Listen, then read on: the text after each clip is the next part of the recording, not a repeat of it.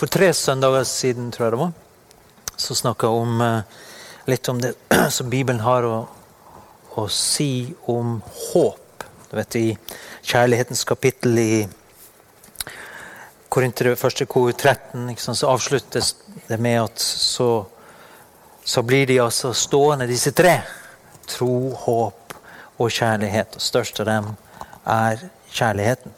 Men det står også håp der. Vi snakker ofte mye om tro og håp. men eh, Nei, tro og kjærlighet, men også håp står der som en, et bindeledd mellom troen og eh, kjærligheten. Og Derfor så tror jeg Gud ønsker å gi oss litt klarere lys på at dette er en utrolig viktig på en måte bærekraft i vårt liv med Jesus. Og hva er det for noen ting? Og hvordan virker det i oss? Og hva er håp ut ifra Bibelen? For vet, Menneskelig talt så kan vi jo si vi håper det blir sol på fredagen fordi at Yr har meldt det. Men vi er ikke helt sikre, for vi bor i Bergen. ikke sant? Så det fins en viss usikkerhet. Om de tar feil? ikke sant? Og det er et håp som er på utrygg grunn, for å si det sånn. Det er et menneskelig håp. Det, det kan skje, og kanskje det ikke skjer. Ikke Men vi bruker ordet og begrepet håp for, for, det. Men vi skal se at Bibelen har også en, en helt annen eh, innhold i dette begrepet håp. Så det blir litt repetisjon fra sist, og så skal vi gå videre. Men vi fikk også teste oss litt, litt grann denne ferien vi var på. Det er én ting å stå her og preke om det ikke sant? og oppmuntre. Det, det er en annen ting når du møter ting i hverdagen som gjør at du virkelig trenger det du snakker om, eller det vi tror på. Og som, som eh, tester eh, på en måte livene våre. Og det var egentlig bare noen få dager etter den søndagsmøtet som jeg hadde forkynt om dette, så, så voks, våkna min kjære kone Kirsten med enorme smerter i ryggen og på, på siden her. Og jeg tror knapt jeg har sett henne ha så vondt siden hun fødte Miriam. Det er dattera mi her. Og da skjønner du at det var vondt. hun ynka seg hele natta gjennom. Det var sånne ekstremt intense smerter i perioder. Så slapp det litt taket, og så kom det tilbake. Og du vet at med en gang når du, når du får sånne smerter på natta, så begynner tankene å rulle. Hva er dette for noen ting? Jeg har jo ikke vært syk på aldri så lenge. Det kommer helt utenfor varsel, nesten. Plutselig, som kasta på en. Er det alvorlig? Sant? Det er mange tanker som begynner å svirre i hodet.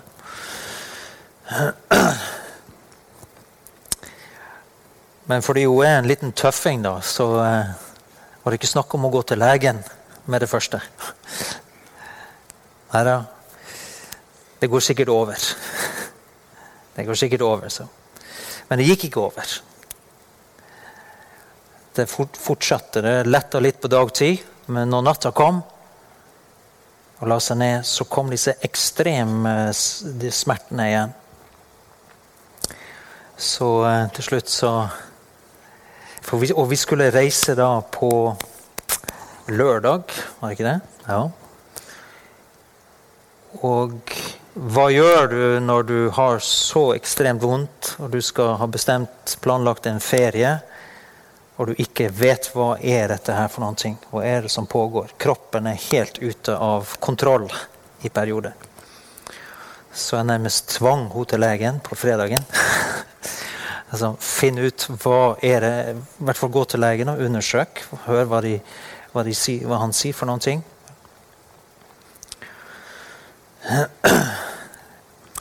Men i denne situasjonen da, så er det noe med Gud og Guds ånd som vekker til livet. Fordi at vi har gjort en del erfaringer gjennom livet at når vi kommer i nød, så er det sånn at Gud og Guds ord og Guds ånd er der for å hjelpe oss. Eh, så ut, gjennom smerten da, så, så, begynner du å, å lete etter svar. Jo, det er én ting, ok, hva kan legen si, men hva, hva er det indre vitnesbyrdet? Hva har Gud å si om saken? Hva er det som pågår?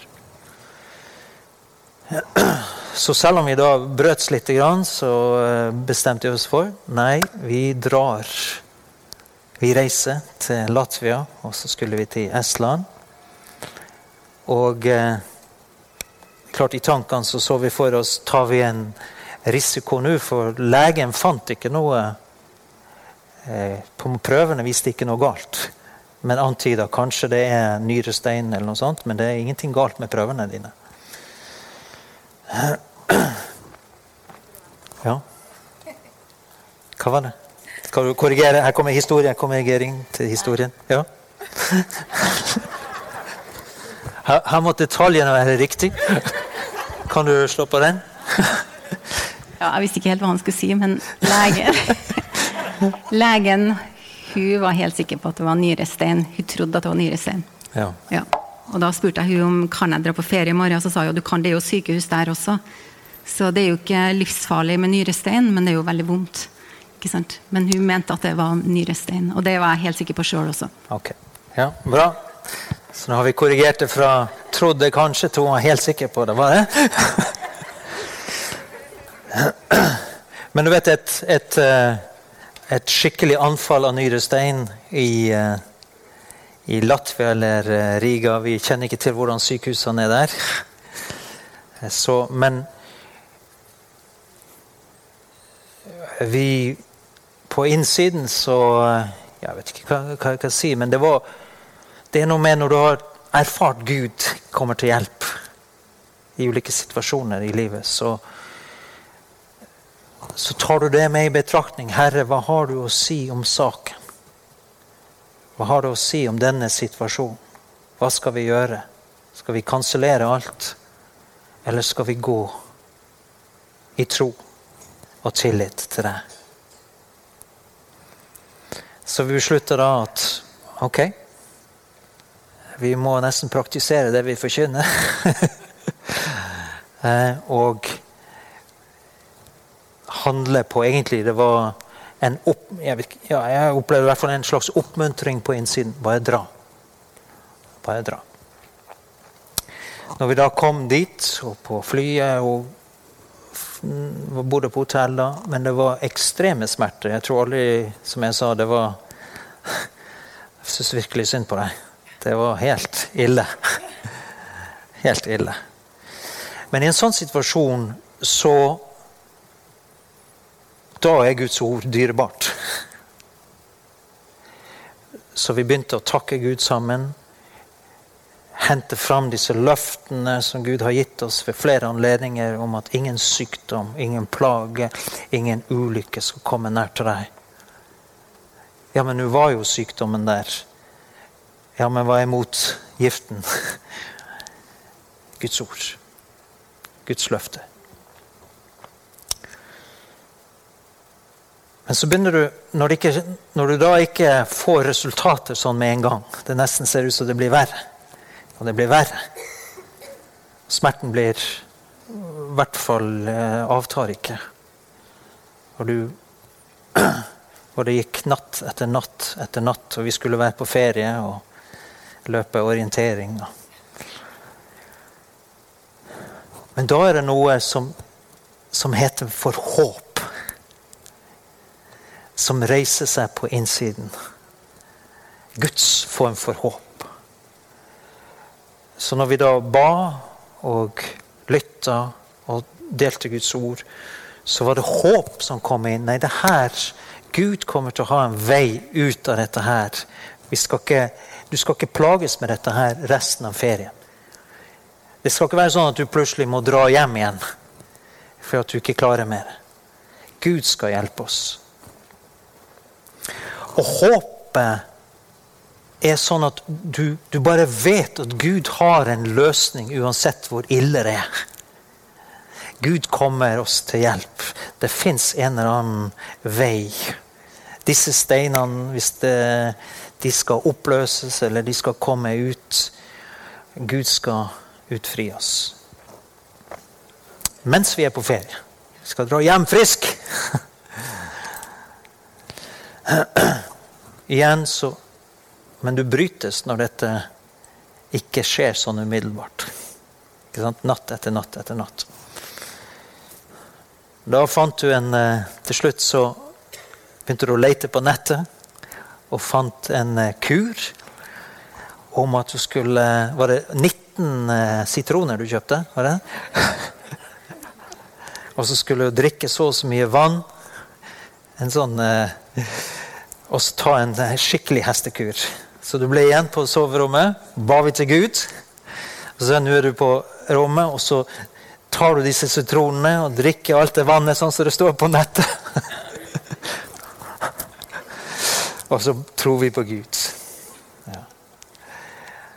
Og eh, det vi ikke visste da, men var, vi har jo også ei datter i uh, Australia. Så hun var jo ba inderlig og intenst for mammaen sin at hun skulle bli eh, frisk. Og da gikk det var det to-tre dager til. Ikke så lang tid. 48 timer? 47 timer? Nei, 46 timer. ja.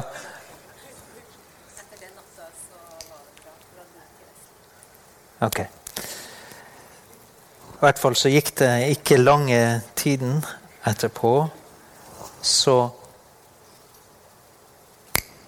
så slapp det taket. Så plutselig var det helt borte. Og på vei til Estland så begynte jeg å kjenne igjen kona mi. Så jeg tror jeg nå begynner å bli deg sjøl. Nå tror jeg du er helbreda. Nå tror jeg du er frisk. Og siden det har det vært bra. Men det var bare en sånn der eh, fersk opplevelse av hva håp til Gud, hvor viktig det er i alle slags situasjoner. Eh,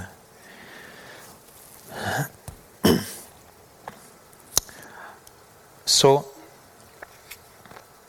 Paulus, han levde på en fantastisk hva jeg skal si det er inspirerende måte. fordi at Når vi leser om han i Nytestamentet og i apostelens gjerninger, så ser du hvilke prøvelser og påkjenninger og lidelser og kamper han gikk igjennom. Men i alle disse situasjonene som han gikk igjennom av forfølgelse, så ser du det at håpet, forventningen om at Gud kommer til å hjelpe meg ut av alle situasjoner Den dagen jeg dør, så dør jeg fordi at tiden er inne. Om han satt i fengsel, om han ble piska, om han led skipbrudd, om han reiste eh, på landeveien med fare for å bli eh, røva, om han var blant falske brødre, om han var overalt, så ser du det. Jeg regner meg som dødsdømt, sier han. Men allikevel så skal Gud bevare meg. Gud skal finne en vei ut. Gud skal ta meg gjennom enhver situasjon. For jeg skal fullføre det løpet som han har kalt meg til. Så sa han jeg har en lengsel sånn, om å dra hjem. For han hadde jo da fått åpenbaringer om paradis, om himmelen, hvor fantastisk det var. Jeg. Men sa han for deres skyld så er det best at jeg er her eh, på, på jorden. Og det er jo her vi trenger håp, er det ikke det? Når vi kommer dit, så er alt fullkomment. Da er troen, håpet, kjærligheten fullkommen. Men her, i dette livet, så trenger vi det. Og han sier da at jeg har denne håp og den forventningen at ikke noen ting at jeg ikke i noen ting skal bli stående med skam, sier han.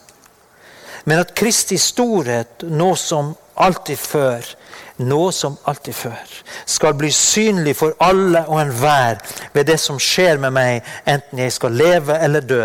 For meg er livet Kristus og døden en vinning. Og så Han var kommet dit at håpet hans var at uansett hva som skjer i mitt liv, så skal jeg peke på hvor stor Jesus er, og at Jesus skal få ære. alle gode dager og onde dager skal Gud virke igjennom og peke på min mester og herre. Det var hans forventning når han satt i det mørkeste fangehullet. Gud skal bruke denne situasjonen til noe godt. Gud skal berge meg. Det skal bli synlig for mange mennesker. Andre skal få høre evangeliet. Gud skal ta meg fram for keiseren. Jeg skal få vitne for keiseren, for høvdinger, for landshøvdinger. For mine medfanger. Guds menighet skal bli styrka gjennom at de får se hva, som, hva, Gud gjør i mitt liv, og hvordan han utfrir meg fra enhver omstendighet og vanskelighet. Det er en annen måte å tenke på enn at Gud hjelper meg, så jeg får det godt og behagelig og trivelig i alle omstendigheter. Det er klart at Gud er god, han vil at vi skal ha det godt. Men det, Paulus hadde et mye høyere mål enn det han ville at Jesus skulle bli synlig. Hvor stor Jesus er. Det var håpet hans. Og det håp, tror jeg at er vårt håp også. Jesus, vi vil at du skal få ære gjennom livene våre. Efeserbrevet sier det at Husk da en gang at dere en gang var uten Kristus. Dere var utestengt fra borgerretten i Israel, hadde ikke del i løftene, og var uten håp og uten Gud i verden. Kjære bror og søster. Vi er ufattelig privilegerte. Uten Jesus er vi uten håp og uten noe framtid. Hva er håpet i denne verden? Jo, håpet er jo at man skal få et litt bedre liv. Hvis man er i vanskeligheter. Det menneskelige håpet, håpet på en løsning. Jo, så jeg kan få et klare meg her i denne verden.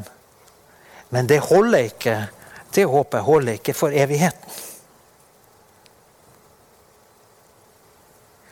Men det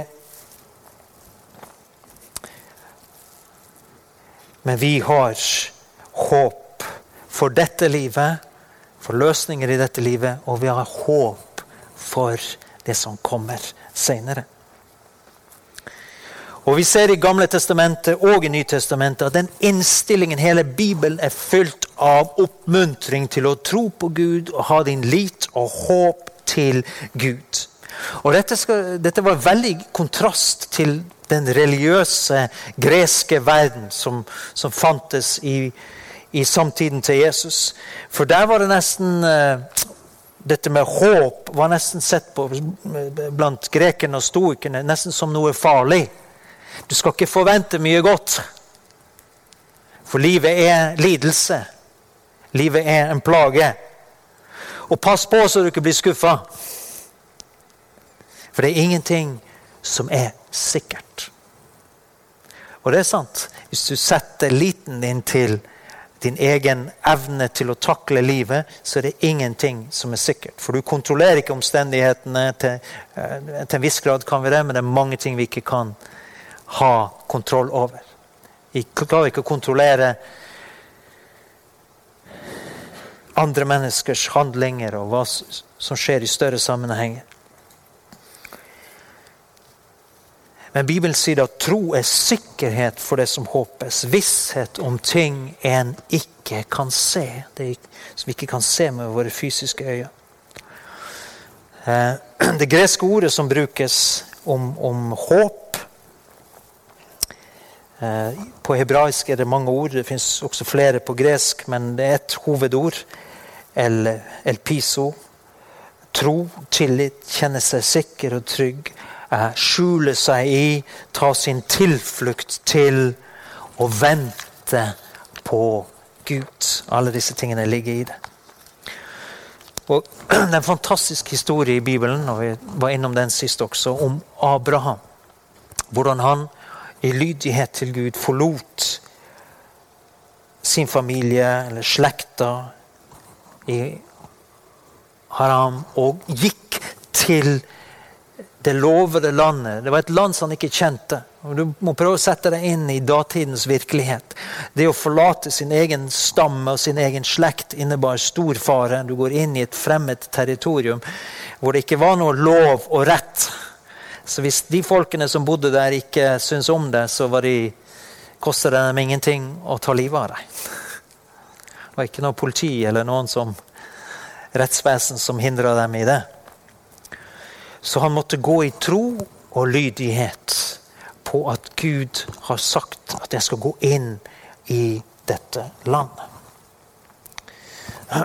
Og Da ser vi at Abraham er 75 år, og Sare 65 når de forlater sin slekt. Og De kommer inn i det lovede landet, og de drar fra sted til sted. De bygger alter, de tilber Gud. Så sa Gud at dette landet skal dine etterkommere få. Altså det geografiske, fysiske landet skal din familie eller din slekt ta i arv. Det var fysisk sett umulig, for det bodde mange andre folkeslag der som var mye sterkere enn dem. Så, men så sa Gud at du skal få en sønn, og gjennom han skal alle jordens familie bli velsigna. En løftesønn. Det var bare ett problem. Det var det at Abraham var allerede gammel. Gammel kall. 75. Eh, Sara var 65 når de dro. Men eh, de hadde nok et, et, håp om ok, Gud har gitt oss et løfte. Så eh, 65 og føde barn, vel De ble litt eldre på den tiden. Men jeg tror at egentlig så var tiden for å kunne gi og føde var allerede passert når de mottok løftet fra Gud. Det var en sorg i Saras liv å ikke ha barn. Det var også en, en, vil si, en form for skam på den tiden og i, i, den kulturen. For Den største for en kvinne var liksom det å kunne føde barn. Det ga hun mening og verdi. Og når du ikke fikk barn, så betydde det at på en måte Gud var ikke med deg. Du var ikke velsigna av Gud, for han hadde stengt morslivet. Og sånn var det for Sara. Hun fikk ikke egne barn. Og spørsmålet hvorfor får jeg ikke barn? Ikke sant? Men nå var løftet kommet. Gud hadde lovt Abraham du skal få en sønn. De drar til lovlandet. Så går det ett år, to år, tre år, fire år. Og det kommer ingen sønn. Det går hele ti år. Og eh, Sara er blitt 70 år. og så får hun en glup idé. Nei, Det ser ikke ut som Gud oppfyller løftene her, men kanskje, en, kanskje, vi skal hjelpe Gud? Kanskje han har en annen metode? Så hun da foreslår for Abraham hva med tjeneste? Kvinnen min, Hagar. ikke sant? Hvis, du, hvis jeg gir henne som kone til deg, så kan jo du ha barn med henne, og så blir det på sett og vis mitt barn. Og Abraham er lydig mot kona si. Og dere eh, Mange av dere kjenner historien, men i hvert fall så kom, kom blir da Ishmael født til Hagar. Men det var ikke Guds plan. Det var De hadde tatt på en måte sett til rette. Funnet en fiks menneskelig løsning Men Gud i sin nåde sa til Abraham ok, jeg skal velsigne Ishmael også, men han er ikke løftesønn. Det var ikke han jeg lovte du skulle få.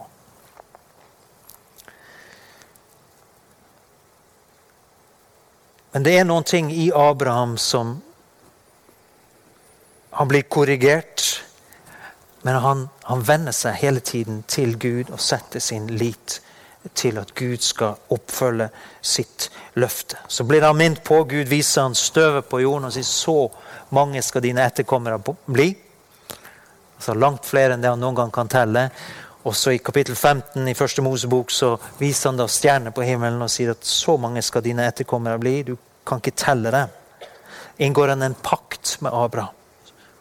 Og sverger ved seg sjøl. Abraham, det jeg har sagt til dem, det kommer jeg til å holde. Men jeg trenger at du tror på meg og har tillit til meg. Abraham er i en umulig situasjon.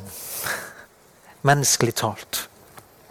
Men han må hele tida vende tilbake til hva Gud sagt. Hva har min skaper sagt? Og Det er da Romerbrevet kapittel 4, skal vi lese fra vers 18, så står det at selv om alt håp var ute, holdt Abraham fast på håpet og trodde. Hør på den formuleringen. Smak litt på den. Selv om alt håp var ute. Det var ikke sjans i havet. Så holdt Abraham fast på håpet og trodde.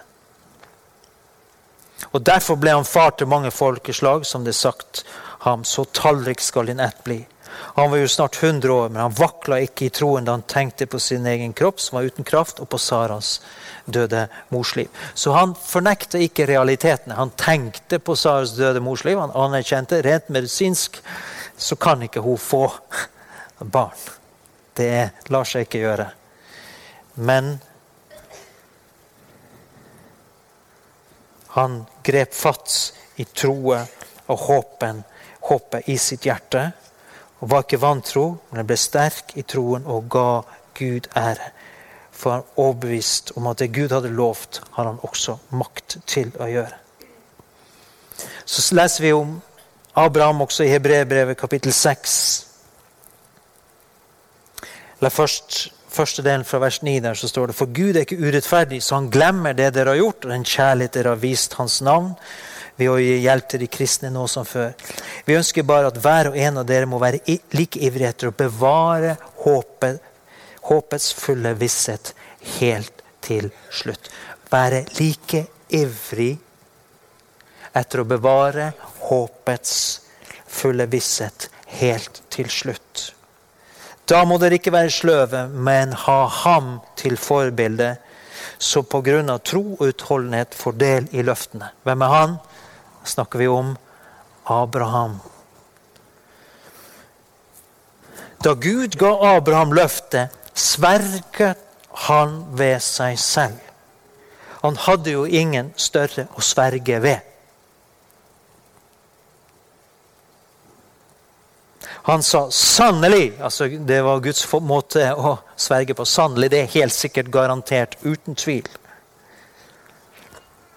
Jeg vil velsigne deg rikt og din ett tallrik. Og så fikk Abraham løftet oppfylt fordi han ventet tålmodig. Hvor lenge ventet Abraham?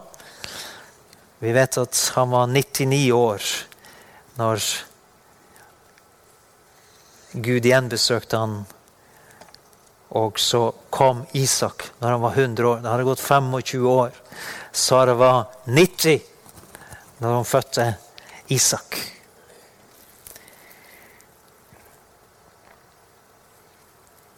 Men da står det her Mennesket sverger jo ved en som er større, og eden tjener til stadfesting, da den gjør slutt på alle innvendinger. Fordi Gud ville gjøre det helt klart for arvingen til hans uh, løftet at hans beslutning var uforanderlig, innesto han for det også med en ed. Ved to ting som ikke kan forandres. Løfte og ed som utelukker at Gud lyver. Skulle vi ha en mektig trøst, og nå vender han seg til meg og deg Vi skal ha en mektig trøst, for Gud kan ikke lyve. Og han har sverga ved seg sjøl. Og i Jesus Kristus har Gud sverga ved seg sjøl at jeg kommer alltid til å være den jeg er for deg. Har jeg sagt, har jeg sagt noe, så kommer jeg alltid til å oppfylle det for deg. Skulle vi ha en mektig trøst, vi som har søkt redning ved å gripe det håp som ligger foran oss. Håp griper fatt i noe som vi ennå ikke ser fysisk manifestert. Men vi vet at det kommer til å skje. Dette håpet er et trygt og fast anker for vår sjel. Det når gjennomføringen inn i helligdommen. Hva er det med dette ankeret? Vi Kan du se for deg store skip med et anker som gjør at skipet ligger i ro. Og når da bølgene kommer opp og ned, så, gjør, så er dette ankeret holder skipet i posisjon. Hva er det Bibelen sier? Jo, din sjel, dine tanker, dine følelser, din vilje har sitt anker innenfor forhenget. Og så, Dette er billedspråk, men da er det det har sin anker i Gud og Hans nåde. Og hvem Han er, det er ankerfestet. Mitt ankerfeste og ditt ankerfeste. Det som holder oss fast i posisjon i Kristus er at Gud er den han er. Og at Gud holder sine løfter til oss. Og de er uforanderlige.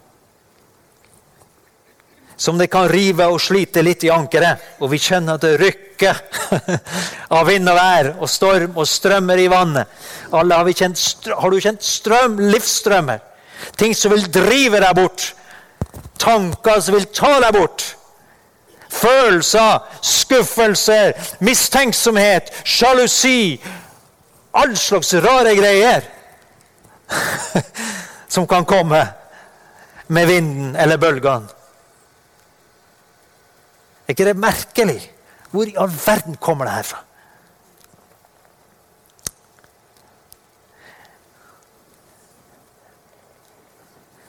Men da er det et anker som holder oss fast. Dette håpets anker, vil jeg kalle det for. Som bare gjør at vi håper og tror på den levende Guden som er konstant den samme som han alltid har sagt han er. Han kommer aldri til å svikte. Fordi at han beviste det en gang for Abraham. Han beviste det ved Jesus sin døroppstandelse. Og vi har et håp. Vi vet at Jesus kommer igjen. Det er noe vi er sikre på. Det er ikke noe vi håper som om vi håper på fint vær. Nei, det er noe vi er helt sikre på. For, hvorfor det? Jo, for Gud har sagt det. Kommer det lys i morgen? Kommer det en ny dag i morgen? Ja. Har du sett morgendagen? Nei, men du er helt sikker.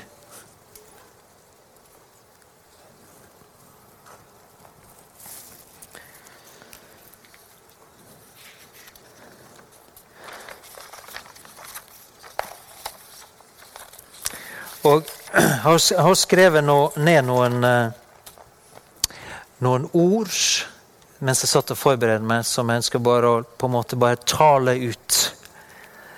Eh, noen av disse setningene har jeg fra andre. Noen ting kom bare på en måte ut ifra fra mitt indre. Men jeg tror det er en proklamasjon, en oppmuntring til oss alle sammen her.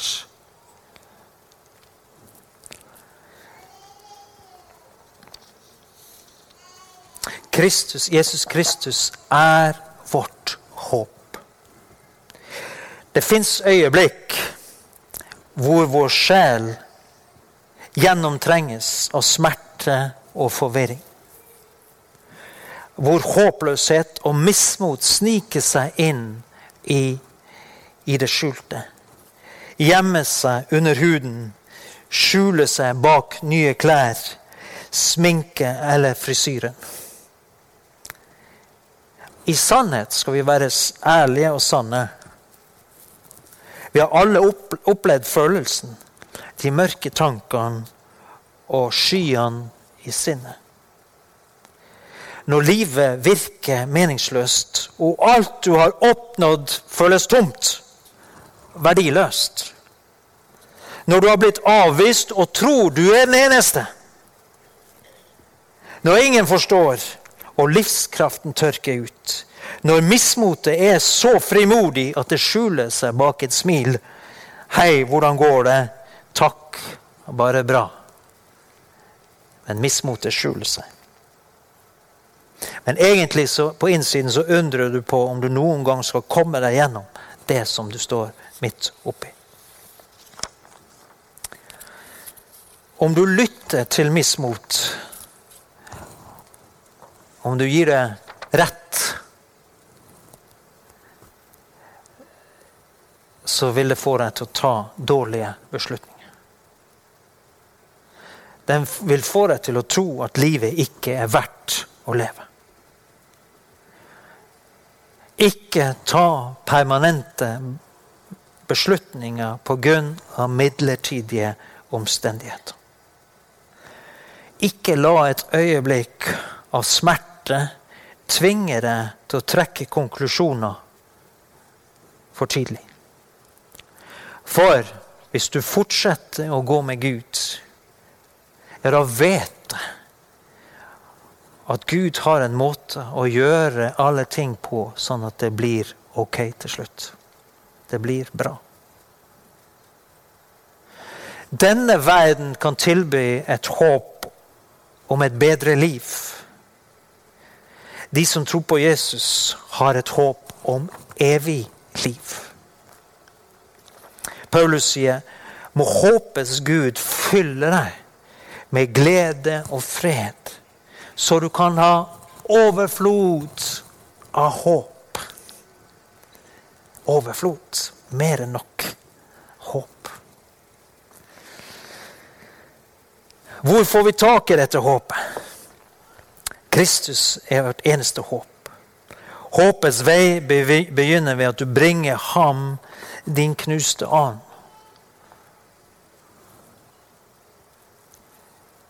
Den vil ikke Gud forkaste. Bring til ham ditt mørke, så lyset kan skinne. La frykten for å ikke strekke til, eller frykt for at Gud straffer meg pga. mine feil, la det slippe taket. Gi opp. Løft opp dine hender. Overgi deg til din Gud, så kommer Han til å løfte deg opp. La motstand og uviljen fare. Gi slipp på jeg, jeg, jeg, meg, mitt. Da kommer styrken inn i svakheten. Nåden vasker bort maktesløsheten, og Guds rettferdighet i Kristus blir fast grunn under føttene. Håp er ikke en følelse. Håp er en vei, det er en sti, som kan gå gjennom trøbbel, den kan gå gjennom lidelse. Og Jeg våger å si det at det ikke er en person her som ikke vet noe om smerte og prøvelse, om man er ung eller eldre. Men i stedet for å klage og syte og si 'hvorfor meg', skal vi vende oss frimodig til Gud og rope ut i tillit til Ham som har kalt oss ved navn. Han vil gi deg nåde og hjelp i rette tid, sier Bibelen. Håp er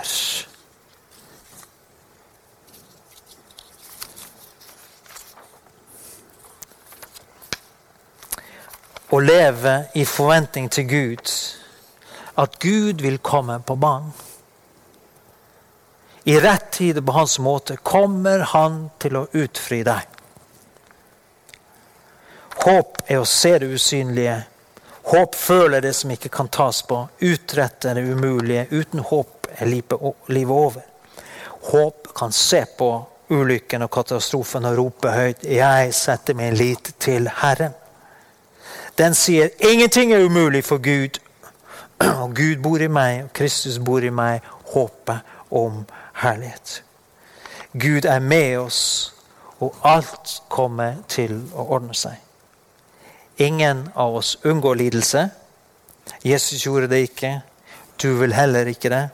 Bibelen sier at Jesus lærte gjennom lidelse. Men på et eller annet tidspunkt i livet vil du oppleve lidelse så kraftig at du lurer på om du kan holde ut. Om du kan overleve enda en dag. Da er fristelsen her At du vil trekke deg bort fra livet. At du kan bli bitter. Eller vi kan bli bedre. En av tingene kommer til å skje. Jeg og du skal velge håpets vei.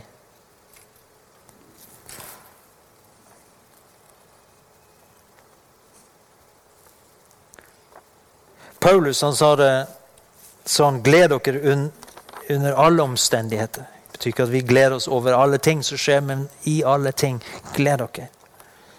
Og gi Gud ære. I alt gi takk. Det føles umulig å gjøre det, men håpet kan takke Gud midt i vanskeligheter. For håpet vet at Gud kan vende det onde til det gode.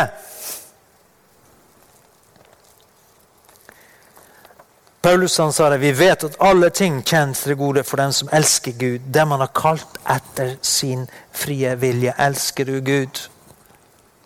Jeg tror du elsker Gud. Kan vi vokse i kjærlighet, men det fins kjærlighet til Gud i ditt liv. Derfor er du også her i dag.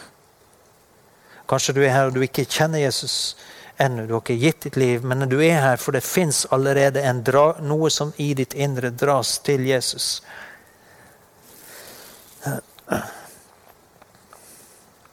Når du ikke forstår hva som skjer, se Gud i øynene gjennom dine tårer og rop. Jeg forstår ikke, men jeg setter min lit til deg og din trofasthet. Mange ting vi ikke vil forstå, men vi setter vårt håp til Gud. Jeg kommer til å stole på deg, og til slutt vil du gjøre alt ok. Og han gjør det alltid. Når, når vi mislykkes, når du mislykkes, er det veldig lett å slå seg sjøl halvt i hjel og falle til bakken.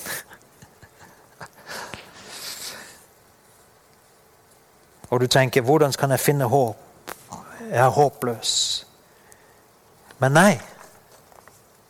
Det er ikke det Bibelen sier. Den tragedie er Altså, det som ikke er en tragedie, er å litt, føle seg oppgitt. Men det å gi opp.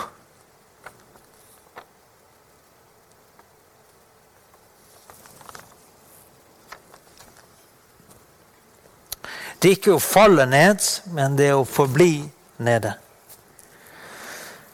Så vi kan oss, reise oss opp i Jesu navn, rette ryggen opp legge vår hånd, din hånd, min hånd, i Guds hånd og vite at Gud er mer enn en overvinner, uansett hva det er vi møter, eller noen gang kommer til å møte i framtiden.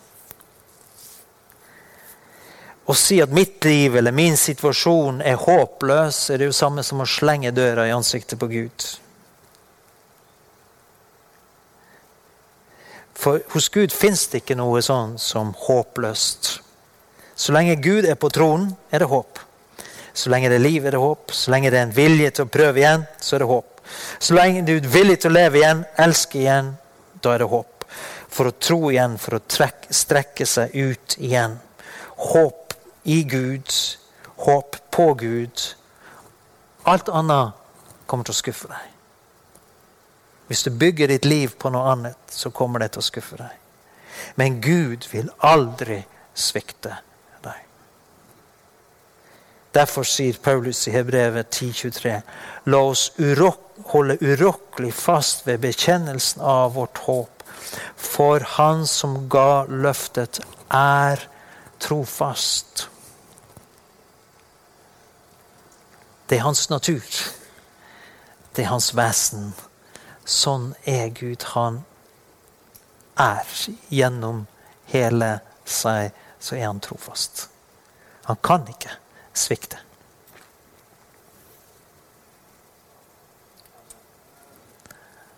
Det er en bra Gud.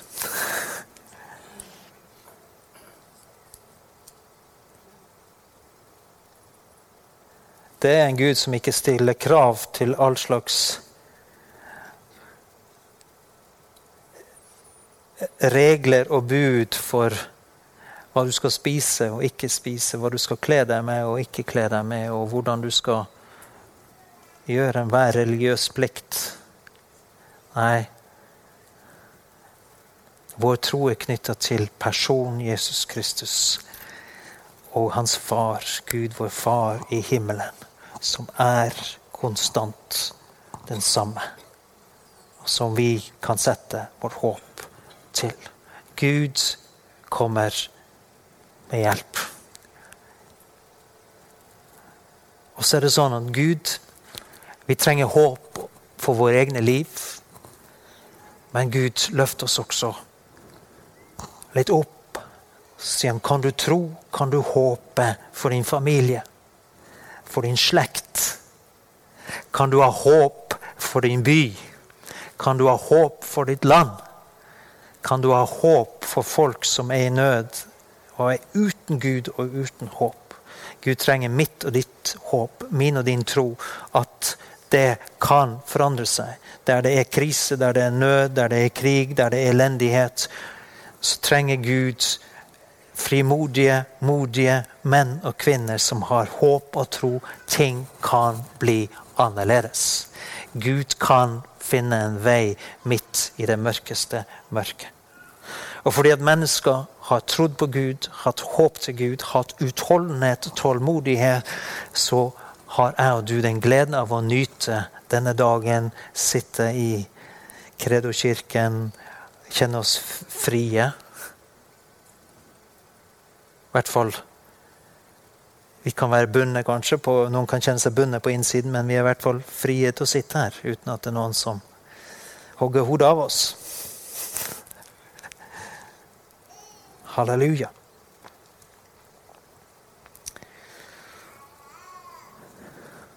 Er du med på troslaget? Er du med blant de som håper? Er, vi med blant de som elsker? Ja.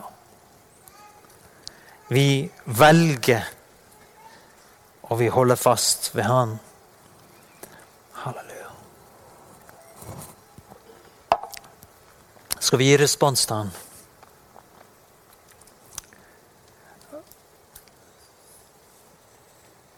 Igjen, vi kommer til Han sånn som det er.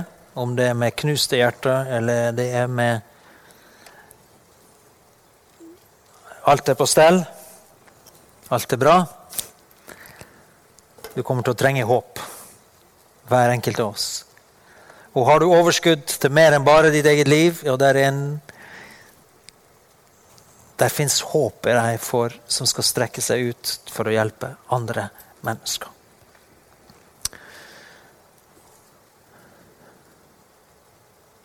Tror du at Gud kommer til å svare på bønnene dine for dine barn og barnebarn? Tror du du bare ber ut i tomme løften? Eller tror du at Gud husker og ser og registrerer hver bønn? Ja, men jeg har ikke sett at det har skjedd noe spesielt ennå. Nei, men det er her, der håpet kommer inn. Håpet tror noen ting. Håp er tro i i framtids